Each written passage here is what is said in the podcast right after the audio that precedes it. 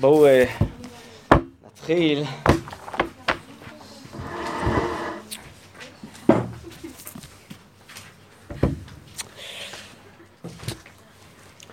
יש כאן אה, משהו מתוך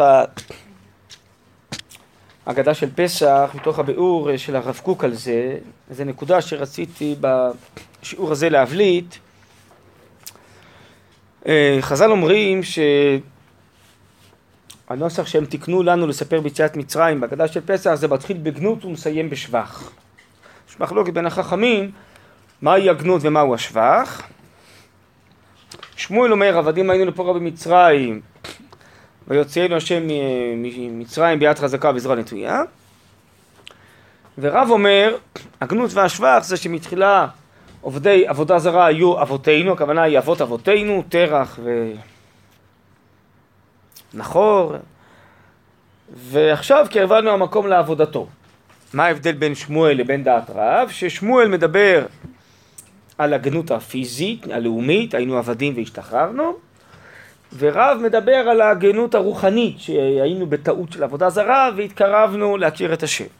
אנחנו להלכה נוקטים כדעת שניהם, מתחילים בתחילת המגיד מדעת שמואל, עבדים היינו לפרעה במצרים ויוצאנו השם משם, ובהמשך ההגדה אנחנו עוברים לדעת רב אה, לגנות ולשבח הרוחניים. אבל יש שאלה בסיסית, והיא,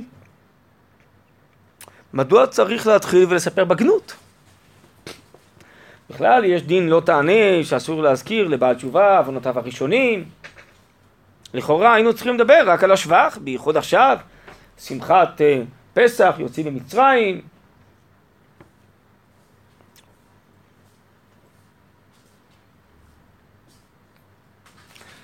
אז צריך לדבר על הדברים הטובים, עם ישראל יצא לחירות, והטבע הישראלי, הטבע הלאומי של הקדושה מופיע בעולם, עם ישראל מקבל תורה, מתחיל, מתחיל לנוע לארץ ישראל, כבר נפרע מן הרשעים, יש מספיק דברים טובים לדבר עליהם, למה צריך לספר את הגנות עכשיו? מה, מה העניין דווקא בלילה הזה? רוצים להודות להשם, מספר על אה, יציאת מצרים, מתחילים מהגנות של עם ישראל, ואחרי זה רק עוברים לשבח. אלא, מסבירים מהמפרשים, יש פה שיטה עקרונית, שחז"ל לימדו אותנו, שהאור צומח מתוך החושך. ככה טבעו של עולם. בערב ויהי בוקר, היום מתחיל מהלילה, ובסדר הטבעי של העולם בינתיים,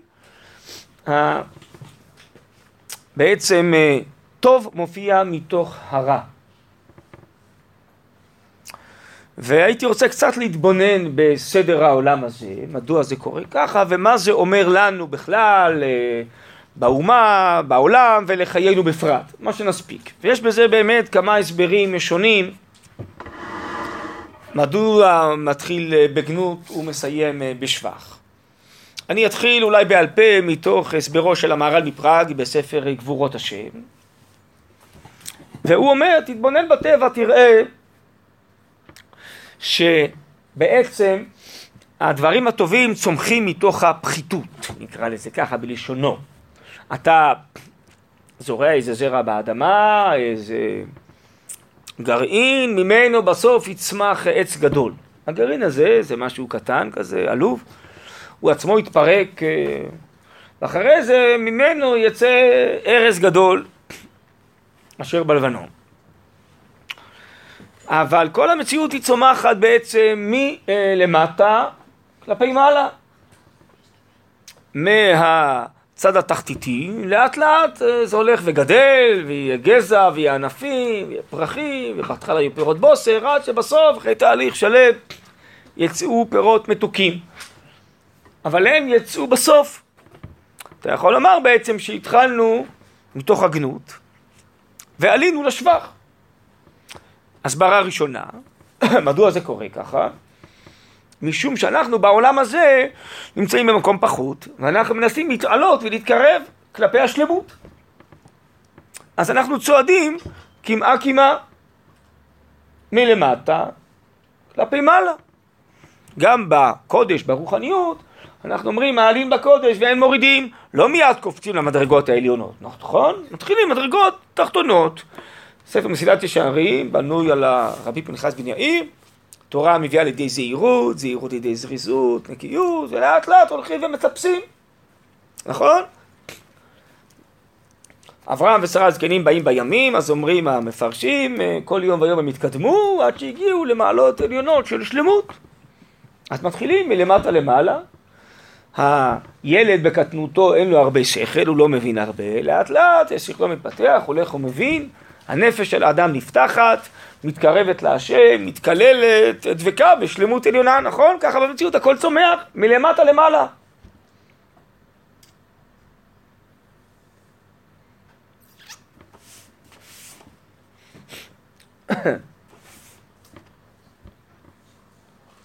אז אם כן, כיוון שאנחנו בהגדה של פסח עכשיו רוצים לראות את הסדר של התפתחות האומה, וגם היא התחילה מתוך גנות ועברה לשבח. בהתחלה היינו עבדים ולאט לאט יצאנו לחופשי והתפתחנו. עוד אה, במדבר היינו זקוקים הרבה לחסדי השם כמו איזה ילד קטן שאביו כל הזמן מאכיל אותו ודואג לכל צרכיו. אחרי זה עמדנו על רגלינו כשנכנסנו ארצה והמן פסק והיינו צריכים אה, לזרוע ולחרוש מעצמנו ולגדל ולהעמיד את מלכות ישראל על הרגליים ובעצם אז אה, עם ישראל מתחיל כמו אדם גדול לדאוג לעצמו, לפרנס את עצמו, כן, בצורה טבעית בתוך עולם הזה, וזה בעצם התכלית, לא שנישאר תמיד במדבר והשם ייתן לנו אה, מן וסלב מן השמיים, נכון? ובאר מים של מרים. אה, זה כמו איזה ילד קטן, ככה באמת אה, הפסוק אומר, זכרתי לה בירמיהו הנביא, זכרתי לה חסד נעורייך, אהבת פעולותייך, זה איזה נער קטן שהולך וגדל ומתפתח, האבן עזרא אומר למה בסוף עם ישראל נשאר 40 שנה במדבר ולא נכנס ארצה, כי עם של עבדים לא מסוגל אה, להיות גיבור ולכבוש את הארץ, זה לא מציאותי. אז אם השם רוצה לנהל את כל המציאות בדרך נס, ושלא אנחנו נשתתף במעשה השם, אז זה עניין אחד. אבל הוא רוצה שאנחנו אחרי זה, בזמן יהושע, אה, שבע שנים לכבוש ושבע שנים לחלק, והוא מצווה את השבטים להילחם עם שבעת עמי כנען, ועם עמלק, ולהקים מלכות ישראל, והקדוש ברוך הוא התכוון שנחיה בארץ בדרך הטבע. אז עד שהאומה מתחזקת, מתפתחת, עד שבונת מלכות ישראל, לוקח זמן. תמיד אני מציין שהפסוק בספר מלכים אומר שלקח שמונים וארבע מאות שנה מיציאת מצרים עד הקמת בית ראשון. בעצם יציאת מצרים, תכליתה הייתה לחיות בית ישראל עם מלכות השם ובית מקדש, אז בעצם התכלית הזאת הגיעה אחרי כמעט 500 שנה. עם כל הניסים והנפלאות והנבואה ו... זה לקח 500 שנה. בעצם התבגרנו, עמדנו על רגלינו כמו איזה ילד קטן שעומד על דעתו, אז צמחנו, קודם כל מבחינה לאומית מגנות לשבח, מלמטה למעלה, ו... אחרי זה גם בעצם צמחנו מגנות רוחנית של אה, אלפיים דתו, של אה, עולם שלם של עובדי עבודה זרה, והשם נגלה לאבותינו ולימד אותם אה, שהוא קיים ושהוא מחיה את העולם, ואחרי זה הוא נגלה לעם ישראל במצרים, ועם ישראל מחנך את בניו ואת בנותיו כל הדורות. אז החדרנו את זה בעצמנו ובעמים, את אמונת הייחוד, את התנ"ך. זה תהליך שלם, שהתחלנו גם כן מגנות. לא באשמתנו, השם לא התגלה, אז אה, לא ידענו מי מנהל את העולם. אה, וסיימנו בשבח שהשם קרבנו למקום לעבודתו, נכון? אבל זה המציאות. זה כמו ילד קטן שלא יודע הרבה דברים, לאט לאט הוא לומד ומגלה את האמת של העולם, אז הוא מתוודע להרבה דברים אמיתיים שהם היו, אבל הוא לא ידע אותם קודם. בסדר, מתחיל בגנות ומסיים בשבח. זה הסדר הטבעי של העולם, של הטבע, ואותו דבר זה סדר של התפתחות האומה כמו התפתחות הילד. הסבר ראשון, הסברה ראשונה, למה מתחיל בגנות ומסיים בשבח. בסדר? הסברה שנייה, גם אצל המהר"ל בפראג, מופיע גם כן אה, ברבינו בחיי בספר אה, חובות הלבבות, שלעיתים דווקא ההפכים מלמדים זה על זה, המהר"ל זה יסוד גדול בהרבה מאוד מספריו. וככה אומר רבנו בחיי שאדם, ברוך השם כשהוא בריא, הוא לא כל כך זוכר להודות להשם ולהתפעל מהבריאות שלו, וזה כאילו מובן מאליו, והקדוש ברוך הוא חייב לו. אבל כשאדם חס וחלילה חולה, והוא אה, רואה כמה זה לא נחמד להיות חולה, אז כשהוא מבריא, הוא כל כך שמח בבריאות שלו, הוא רואה איזה מתוקה הבריאות שלו. עצם הבריאות, בלי שעכשיו יש לי כל מיני תוכניות והשגתי ו... סתם רק בבריאות הטבעית, כי אדם כל כך שמח ומודה להשם על זה שהוא בריא, נכון? אז לחולשתנו, בעולם הזה, דווקא לעיתים ההפכים מלמדים זה על זה. וכשאדם נמצא במערה הרבה זמן, וסוף סוף הוא יוצא, יוצא למערה, מהחושך לאור, יש לכם אה, טיולים של אה, מיכל רחל מגיעים גם למערות או שאין מערות? אין מערות, טוב. אז כשאדם אה, יוצא מהזמן ארוך של חושך, אז הוא יוצא לאור, או אני יודע מה, הייתם השנה בלילה הזה שהייתה הפסקת חשמל? כן. נכון? פתאום נדלק האור, וואי איזה יופי, כמה מתוק האור, וטוב לעיניים, נכון? אחרי זה נופל שוב, נכון? אבל כשאתה בחושך, אתה רואה כמה האור מתוק, ככה יש אור, מי שם לב בכלל לאור, זה מובן מאליו, מגיע לנו האור, אז מה, מה, מה השאלה? נכון? אז ככה אנחנו לחולשתנו, ככה אנחנו בחיים, כשהכל בסדר, אז אנחנו לא מתפעלים מהדברים שהם בסדר, אבל כשהם יצאו מן הסדר וחזרו לסדר, אז פתאום... אה, אנחנו מתפעלים מאוד מהסדר עצמו, נכון? יודעים להודות, או לחברת חשמל, או לקדוש ברוך הוא, או לשניהם. ובעצם דווקא המצב האופקי הוא מלמד על המצב אה, הטוב.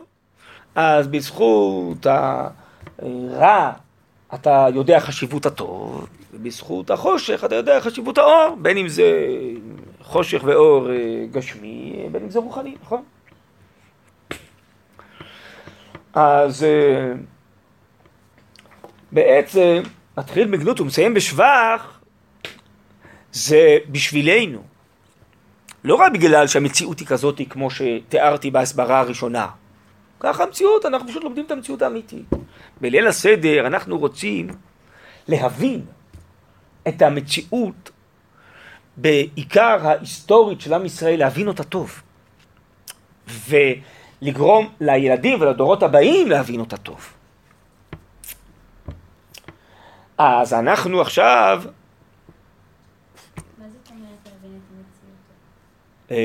מה בעצם התהליך הזה שהתרחש מיציאת מצרים ואילך? בעצם ליל הסדר בא להכניס אותנו לתוך הסדר ההיסטורי של עם ישראל. שעם ישראל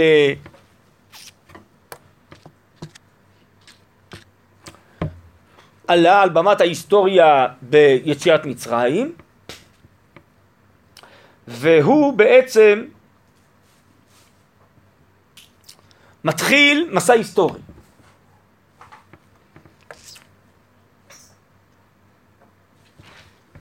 שמתחיל במדבר ובקבלת תורה אבל תכליתו של המסע ההיסטורי זה כמו שתיארתי קודם להגיע לארץ ישראל, לבנות מלכות, לבנות מקדש ולהתרומם בעצמנו ולהרים את כל האנושות וכל הברואים וכל העולם אה, כלפי מעלה לקרבת השם.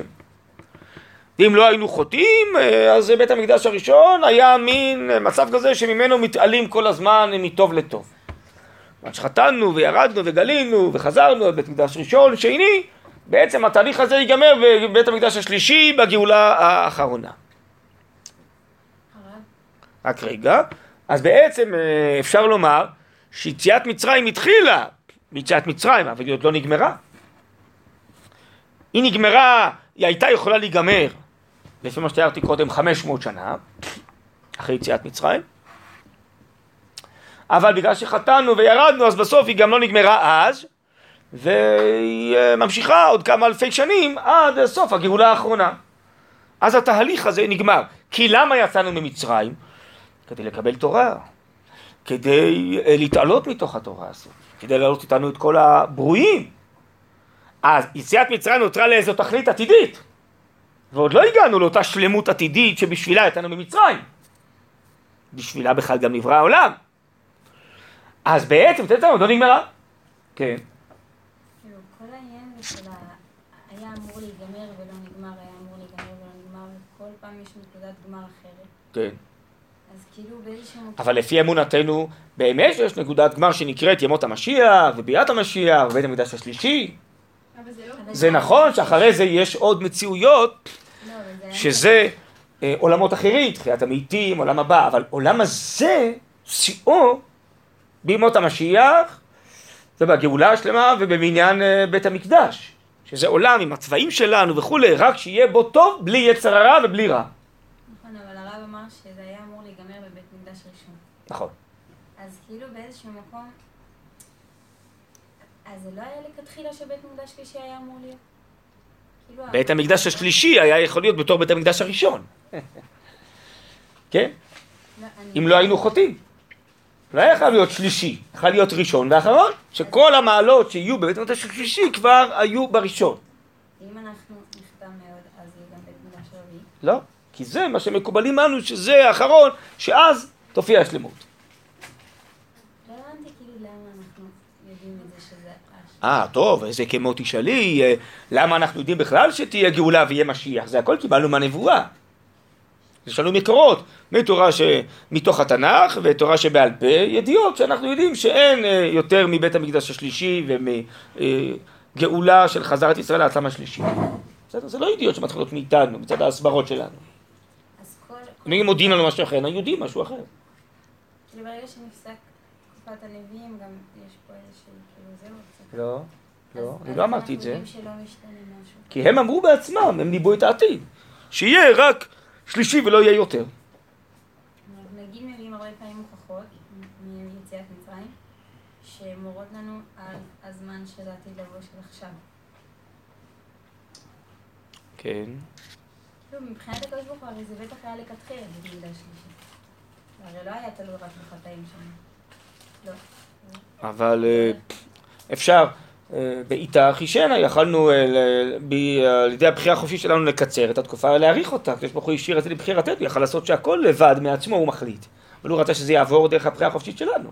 אנחנו אומרים בתפילה, בגלל חטאינו גלינו מארצנו, אם לא היינו חוטאים, לא היינו גולים מארצנו, זה היה תהליך יותר קצר. אז כאילו, העניין הזה שהקדוש ברוך הוא עושה הכל לפי תכנון, זה כאילו אחרי גם הבחירה שלנו, בסוף זה גם משתלב בתכנון. לא, לא, לא, הוא לא עושה לפי תכנון. התכנון שלו זה, הוא מאפשר לבחירה החופשית שלנו. זה שהוא יודע מראש מה אנחנו נבחר זה נושא אחר, זה אנחנו לא יודעים איך הידיעה מתלקטת עם הבחירה שלנו. אבל הוא לא תכנן מראש שיהיה בית מקדש שלישי מבחינה זאת. הוא תכנן שהכל יעבור את הבחירה החופשית שלנו, ואם לא היינו חוטאים לא היה שלישי. הוא יודע, אז את מכניסה אותנו שאלות אחרות, בכלל מוציאה אותנו מהנושא. כי הוא יודע הכל, של הרמב"ם, אז איך הוא יודע הכל ואנחנו בכיריים? מהרמב"ם אני לא יודע מה זה סוג ידיעה אלוקית, כי הוא וידיעתו חד. אז אני לא יכול לדע, לדעת איך זה מתלקט עם הבחירה החופשית. אבל אנחנו יודעים את הכל, אומר הרמב"ם, שהוא יודע הכל, מצד שני שאנחנו לגמרי חופשיים והכל עובר דרכנו. אני לא יודע איך זה מתלכד ביחד. מה, אני יודע הכל? הוא אומר, אני לא יודע מה זה השם. את יודעת מה זה השם? הוא קיים, אבל פשוט לא יודעת מה זה השם, נכון? גם לא יודעת מה זה ידיעתו. כי הוא וידיעתו, הוא ודעתו, הכל חד, אומר הרמב"ם. אז אנחנו לא יודעים. טוב, אבל זה נושא אחר לגמרי, אם את רוצה אפשר פעם לטפל בנושא הזה, אני פשוט אה, לא רוצה לצאת מהנושא יותר מדי. כן? כן? טוב, זה, זה לא הנושא, עזבו. עזבו, זה חבל, זה לא הנושא עכשיו, אני לא רוצה לעסוק בזה. אני רוצה לחזור לנושא, להבין מה זה יציאת מצרים ומה זה ליל הסדר. ולמה אנחנו אומרים את אה, הגדה של פסח בצורה של בגנות ומסיים בשבח. אז אני אביא לזה אולי משל, בסדר? ברוך אתה אדוני אלוהינו מלך העולם, שהכל נהיה בדברו. ברוך השם, יש אה, נולדה תינוקת. ויש תהליך אה, של לידה וחדר לידה, וברוך השם, חוזרים הביתה והתינוקת מתחילה לגדול. ואחרי זה נהוג בישראל, אה, בהרבה מאוד אה, קהילות, שעושים איזה קידוש, מסיבה, להודות על ה- להשם. ואז באותה הודיה להשם אפשר להודות על שני עניינים. עניין אחד זה להודות שתהליך הלידה עבר בשלום. נכון? שהרי היולדת אחרי זה אומרת הגומל. מי אומר הגומל? מי שהיה בסכנה ויצא, נכון? אז זה תהליך מסוכן גם ליולדת וגם לתינוקת, בדוגמה שלנו. אז הודיה ראשונה זה להשם, שהתהליך עבר בשלום, יצאנו מזה, והכל טוב, ברוך השם. אבל זה לא ההודיה היחידה שישנה אחרי שנולדה תינוקת, נכון? ההודיה השנייה, אולי המרכזית, שזכינו ברוך השם שנשמה חדשה הופיעה לעולם, הופיעה במשפחתנו, נכון?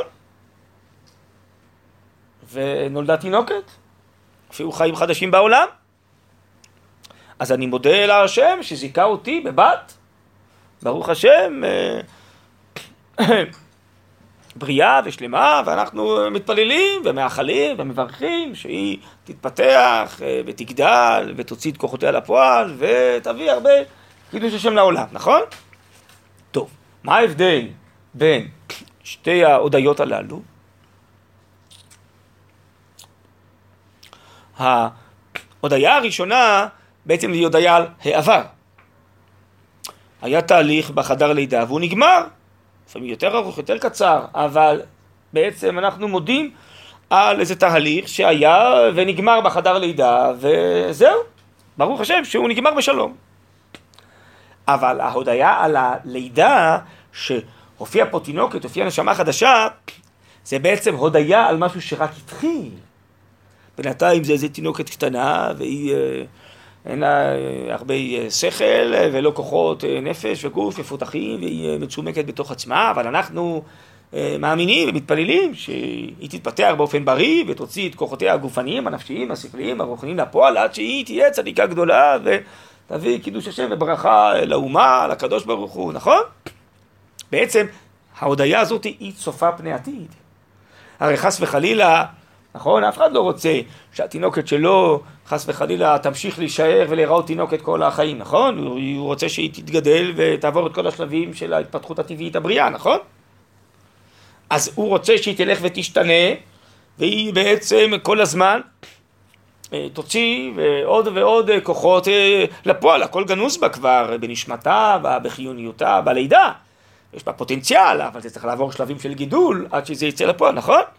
אז זה הודיה שברוך השם זכיתי בתינוקת בריאה שיש לה פוטנציאל עתידי בעזרת השם להיות אה, לתפארת ולקידוש השם בעולם, נכון? אז אני מחלק בין עבר לבין עתיד. כן? ואני מודה לקדוש ברוך הוא שזכיתי בתינוקת בריאה שיכולה להמשיך להתפתח בעתיד, נכון? היא עוד לא התפתחה. בעזרת השם עד 120 ועד אה, נצח נצחים, אבל זכיתי שהופיע פה ראשית תהליך שאמור להמשיך הלאה, נכון? בעצם עכשיו הנמשל אותו דבר, זה יציאת מצרים. כי עם ישראל נולד במצרים, הנה עם בני ישראל, פרעה מזהה שיש פה ישות לאומית שנולדה, ואחרי זה הישות הלאומית אה, יוצאת ממצרים, חז"ל אפילו ממשילים את זה ללידה, שהקדוש ברוך הוא כאילו היינו בלויים בתוך מעי האם שזה המצרים, והשם כרועה שהוא מכניס ידו למעי האם ומוציא את הוולד אה, מתוכה. הקדוש ברוך הוא חילץ אותנו ממצרים ו... יצאנו החוצה מעבדות לחירות. אז הייתי אומר שהפעולה הזאת היא הראשונה שהיינו מעונים וסובלים תחת יד פרעה וברוך השם נחלצנו משם בשלום עד שאפילו השם פרה מאויבינו עשרת המכות ומכת בכורות ואחרי זה המצרים טובו בים ואנחנו ברוך השם יצאנו וחופשיים מודים להשם. על מה מודים? על העבר. על תהליך הייתי אומר הלידה נולדנו במצרים יצאנו מתוך אה, כמו התינוק, התינוקת שיצאה מתוך האימא, יצאנו מתוך אה, אה, ארץ מצרים, העם המצרי, ויצאנו, פתאום נולד עם חדש, עם מתוך העם, נכון? כמו לידה. ונחלצנו, נקרא לזה, מתוך הרשעות והטומאה, השם בקע את הטבע ואת ארץ מצרים ופדה אותנו משם, נכון? בצורה מפתיעה, פלאית, נשיאית, מהירה, על כנפי נשרים, ולקח אותנו אליו, נכון? אז זה כמו הודיה להשם על ה... אה, שנחלצנו בשלום מחדר הלידה וכל התהליך עבר בשלום, נכון? בסדר, אבל עכשיו אתה יכול לשאול, בשביל מה נולדנו? בשביל מה התינוק הזה? בשביל מה עם ישראל התינוקת הזאת נולדה? בשביל מה? כל ההודיה זה רק בשביל לצאת ממצרים, נו ועכשיו מה? להישאר ככה סטטיים? לא. עם ישראל יצא ממצרים כדי להמשיך להתפתח. להגדיל את כוחותיו. עם ישראל זה עם קדוש, מבדיל בין קודש לחול, בין ישראל עמים. נולד עם קדוש בעולם, שתפקידו להמשיך להוציא לפועל את קדושתו לעילא ולעילא כל הזמן, מעלים בקודש ואין מורידין. שהוא יתעלה בעצמו כל הזמן, כל ההיסטוריה, ויצרף לאמונתו את כל האנושות וכל הברואים, ויגרום שכל הטוב יופיע, וכל הרישה כעשן תכלה, וכל המציאות תתקרב להשם, ויהיה שפע של ברכה ואמונה, ו... כמו כל הנבואות של הנביאים ודברי חז"ל, נכון? אז בעצם עכשיו התחלנו תהליך. כמו תינוקת שנולדה שלך, עכשיו צריך להתבגר, להתחיל אה, להוציא את כוחותיה מן הכוח אל הפועל, ולעשות תהליך היסטורי שלם, נכון? אז היסטוריה של עם ישראל הוא יותר ארוך מהיסטוריה של בן אדם בינתיים, ואנחנו עכשיו עושים אלפי שנים תהליך היסטורי. בהליך, אה, אפילו אה, משה בארץ מצרים, בתחילת ספר שמות, אז הוא שואל את הקדוש ברוך הוא, אה, מה שמו, מה אומר אליהם? הוא אומר לו, יהיה אשר יהיה. מה זה יהיה אשר יהיה? אז רש"י מביא בשם חז"ל, הייתי איתם בשעבוד זה, אני אהיה איתם בשעבודים אחרים. אז משה אומר לו, הם עוד לא יצאו ממצרים, אתה מזכיר להם שעבודים אחרים? טוב, לך תגיד להם, מה יש לך, אני אליכם. אבל בעצם, ההתמודדות הראשונה זה עם פרעה מלך מצרים, אבל יהיה עוד התמודדויות עם סיחון ואוג, עם עמלק, עם בבל, עם פרס, עם יוון, עם רומי, נכון? עוד יהיו אתגרים בעתיד. גם היום לא חסר לנו עוד, נכון? אז עוד יהיה תהליך, שם ישראל צריך להילחם ולהתמודד עם החולשות שלו, עם האויבים מבחוץ, עם אויבים פיזיים, רוחניים, עד שבסוף הוא יגיע לשלמותו, שהוא יהיה זך וטהור וקדוש, ויורמם איתו יחד את שאר העמים, ויבנה מלכות ישראל, בית המקדש, וכל המצוות תתקרב להשם. אז בעצם, יציאת מצרים, אנחנו צריכים לספר בליל הסדר על יציאת מצרים. אני שואל, מה כלול במונח יציאת מצרים? אתה יכול להבין שכלול עניין אחד, כמו התינוקת, שיצאה מחדר לידה, ואני מספר על התהליך בחדר לידה. ואתה יכול להגיד שאני מספר על איזה תינוקת נולדה, איזה פוטנציאל יש לה, מה אנחנו מתפללים ומברכים אותה שעתיד לצאת ממנה, נכון? אז אותו דבר, לספר ביציאת מצרים. אתה יכול לספר על איזה עינויים, איזה קשיים היו במצרים, בארץ מצרים, ואיך השם הוציא אותנו, עשרת המכות וכל הסיפורים. בסדר. אז זה סיפרת על היציאה מחדר הלידה של מצרים. אבל אפשר גם לספר מי יצא ממצרים? יצא עם קדוש. למה יצא ממצרים? כי הוא עתיד לקבל תורה, כי הוא צריך לתקן את העולם, כי הוא צריך להביא את העולם לתכליתו, בשביל זה בכלל נברא העולם. חיכו אלפיים שנה עד שיוולד עם ישראל, עד שתופיע התורה, עד שבכלל העתיד יוכל, אה, העולם יוכל להתקן. אז לספר מצד זה לספר מה יצא, מה נולד פה, למה נולד פה, מה הייעוד והתפקיד של מה שנולד פה, זה כבר סיפור נוסף, זה סיפור של ההודיה השנייה על העתיד, נכון? ואז אני חוזר ושואל, האם מצוות סיפור יציאת מצרים בליל הסדר היא עוסקת בדבר הראשון בלבד, בדבר השני בלבד, או בשניהם גם יחד? שניהם. בסדר? ואני חושב שזה נכון, אבל ההבנה הפשוטה הראשונה שיש לכולנו שעוסקים רק בדבר הראשון, ביציאה ממצרים. באמת החלק הראשון של ההגדה בעיקרו עוסק בזה. אבל האמת היא שהמשך ההגדה וסופה והפיוטים וכן הלאה, הם עוסקים בעתיד. הם לא מסתיימים רק בסיפורים על יציאת מצרים. אנחנו מזכירים את מה שהיה אחרי זה על הים, ובדיינו את uh, התורה וכניסה לארץ ישראל, ובני בית המקדש, ובהלל אנחנו מזכירים דברים שיהיו לעתיד לבוא, ימות המשיח, ותחיית המתים, וכן הלאה, וכוס של אליהו הנביא, ואת כל ה... הוא גאלנו, והוא יגאל אותנו בעתיד, ברכת אשר גאלנו, ואחרי זה כל הפיוטים, מה יהיה לעתיד לבוא. בקיצור, הסדר, ההגדה, מכניס אותנו לתוך הסדר ההיסטורי, ולוקח אותנו למין מסע אה, נפשי, רוחני, שכלי, מיציאת מצרים עד הגאולה העתידה, עד השלמות העתידה. לא שמים לב לזה כל כך. אולי בגלל שנרדמים באמצע ליל הסדר וכבר עייפים ולא... שמים לב בדיוק מה אומרים בהמשך ובסוף. גם יכול להיות. אבל מתוך שאנחנו כבר רגילים ורצים על זה וזה, אולי לא תמיד אנחנו מבינים מה בעצם אנחנו אומרים פה.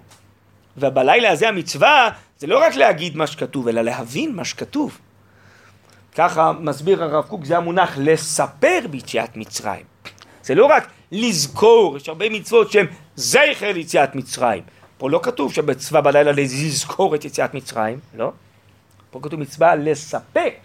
וכל המרבה לספר ביציאת מצרים, הרי זה משובח. לספר זה להסביר. להסביר, אני לא יכול להסביר אם אני לא מבין, אז אין לי מה להסביר לאחרים. אז המצווה בלילה הזה זה להבין. יותר ויותר, כל הזמן, מה היה ביציאת מצרים, ומילא אני יכול לספר. וכתוב שאם אין לאדם בן אשתו שואלתו, ואם לא חכם שואלו, ואם לא שואל את עצמו, אז החכמים הגדולים, כמו החכמים שמתוארים שישבו כל הלילה ועסקו ביציאת מצרים, כבר יודעים את הכל, לא? לא נכון, אין כזה דבר יודעים את הכל. כי כל ההשכלות האלה הן אינסופיות להבין מה בעצם גנוז באומה הישראלית, ומה זה השפע של התורה, שכל התורה שעוד הופיעה היום אצל החכמים זה הבל לעומת תורתו של משיח. אז אין סוף להבנה, ומילא אין סוף לסיפור. אז כל השנה אנחנו נזכרים ביציאת מצרים. הזיכרון קשור לעבר, קשור לחדר הלידה שהיינו ונחלצנו. הסיפור קשור בעצם להבנת מה נולד צופה פני עתיד, דהיינו למה נולד. בעצם למה הכל מכוון. ולכן הפוקוס של הלילה הזה, אם מבינים את זה ככה, משתנה קצת. שכל מה שאנחנו מתחילים ביציאת מצרים, ולספר כל התהליכים שעברו ושנחלצנו מהחדר הלידה הזה בשלום וכן הלאה, זה כדי להסביר מה המשך התהליך ולמה הוא עתיד להגיע, ואיפה אנחנו בדור שלנו, איזו חוליה אנחנו בהיסטוריה, ואיך אנחנו מקדמים את ההיסטוריה כלפי החוליות הבאות, כי גם לנו יש חלק להמשיך את יציאת מצרים הלאה. ובעצם בלילה הזה בעיקר הסיפור זה בא לקחת אותנו מן העבר ולראות איך אנחנו מבינים את כל התהליך ואיך אנחנו משתלבים בתוכו ומקדמים אותו, מזרזים את ההגעה שלו לעתיד. אז אני חושב שזה אספקלריה אחרת קצת אולי מההבנה הפשטנית הרגילה. אז כל שנה שאני מגיע לפסח, אני בעצם צריך לעבוד על עליית מדרגה בגילוי עוד חלק מהסיפור. ברור. לא יוצא מנקודת הנחה בעצם שאני מבין. נכון. וככה אומרים הראשונים שבהגדה הזאת שהתנאים כבר התחילו לסדר אותם, המשנה, אחרי זה מוראים, בעצם חז"ל טמנו את כל השפע האלוקי, הכל טמון בזה, זה אין סוף מה שטמון בהגדה הזאת, ככה אומרים הראשונים. זה ברור. וכל שנה אנחנו צריכים בעצם אה, לקרוא את ההגדה בעיניים חדשות, יותר אה, בהירות, יותר עמוקות, יותר משוכללות. ברור. ותסתכלו כמה פירושים אה, יש, נכתבו על ההגדה של פשע, כמה כל הדורות, ואיזה שפע עצום הולך ונחשף כל הזמן יותר ויותר. כן. מה זה כוונה? כן, זה כמו שאנחנו במשל, נראה לי שזה אולי הדוגמה הכי טובה. התינוקת הזאת שנולדה, בעצם, מה טמון בה? איזה יכולות יש לה? אה, מה הייעוד שלה? מה התכלית שלה? למה היא עתידה? למה היא מסוגלת להגיע? התינוקת הזאת. אותו דבר, עם ישראל, ש... מי זה עם ישראל? מה טמון בו? מה זה עם קדוש? מה זה התורה שהוא קיבל? איך הוא עתיד לשנות את כל העולם ולהיטיב אותו ולקרב אותו להשם? יש בזה הרבה מה לעסוק. זה לא רק לספר כל העינויים של מצרים שיצאנו מזה ונגמרו. זה בעצם לעסוק בעתיד. בסדר? אז אני חוזר רגע אחד. למה מתחיל בגנות ומסיים בשבח, שבזה בעצם פתחתי. הסברתי קודם בשם המהר"ל, כדי להבין את המציאות הטבעית, איך שהיא צומחת. כי הלילה הזה אמור להכניס אותנו לגדילה ולהתפתחות הטבעית, גם של האומה והסדר ההיסטורי שלה. אז בכל במציאות מתחיל מלמטה למעלה. אחרי זה הסבר שני הבאתי בשם המהר"ל, שדווקא כשאנחנו מתחילים מהגנות, אז הרבה יותר מתבהר ומתחדד מהו השבח. אז אחרי שאני מדבר על שעבדים היינו, וכמה המצרים הם רשעים, וכמה זה היה שם עולם מלא כפירה, מלא טומאה, אז עכשיו נבין מה זה קדושת ישראל שבקעה מזה. מה ההבדל בין ישראל לעמים? המבדיל בין קודש לחול בין ישראל לעמים? דווקא כשאני רואה את החושך, אני יכול להבין איזה קדושה ואיזה אור יצאה וזרחה מתוך החושך הזה. אז אני הרבה יותר מבין מה יצא ממצרים, את עם ישראל, מי התינוקת הזאת שנולדה. וגם להפך, לא? מה זה להפך? היא- כאילו, שאני מבין כמה עם ישראל יש לו ייעוד כל כך גדול, אני מבין עד כמה הגנות כל כך גנותית, עד כמה זה היה כן. עצוב להיות במקום שהיינו. כן, ולכמה אסור לחזור לזה. כן. וכמה אה, יש לנו ייעוד היסטורי לשנות את כל העולם, אה, שזה לא יחזור הדבר הזה.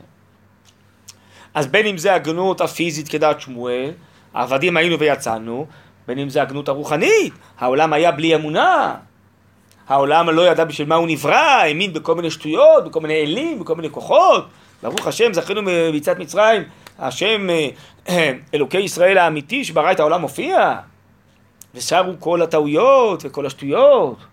ועכשיו אנחנו יכולים להיחשף סוף סוף לתכלית הבריאה, ומתוך כך לתפקידנו הלאומי, ואפילו האישי, ההיסטורי, העתידי, ולמה מה תכלית חיינו, בשביל מה אנחנו חיים, מה העתיד, הרי עד היום חלק גדול מן העולם לא יודע בכלל בשביל מה הוא חי, נכון? אז עם ישראל זכה שזה יתגלה לו, למה השם ברא את העולם, ומה, למה הוא ברא את עם ישראל, למה קיבלנו תורה, לאיפה העולם מסוגל להגיע, זה נותן אמון בעולם, שבעצם הטוב בו הוא המרכז, והוא הנשמה והוא העיקר, והטוב הזה, הטבע הזה עתיד לנצח, אז בעצם כל החיים התבהרו לגמרי, אז גם היה גנות רוחנית, מתוך העיוורון והחושך הזה, ועכשיו הגענו לשבח רוחני שאנחנו יודעים, על האמת, על הטוב, על האלוקיות ועל תכלית העולם, נכון? אז דווקא בגלל שהתחלנו בגנות, זה היה בשביל לחדד ושהאור יביט מתוך החושך, שמתוך החושך הרוחני, הכפרני, עכשיו יגיע אור רוחני של דעת השם ואמונה וקדושה, כן?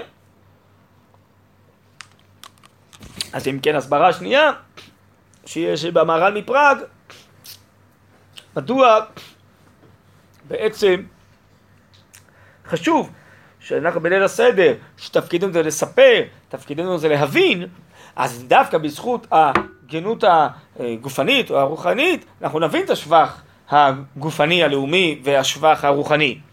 ואז בעצם נוכל גם בעצמנו עוד יותר להבין טוב את כל המהלך הזה, וגם לספר את זה לדורות הבאים, גם הם יבינו, גם אותם לשייך, כן?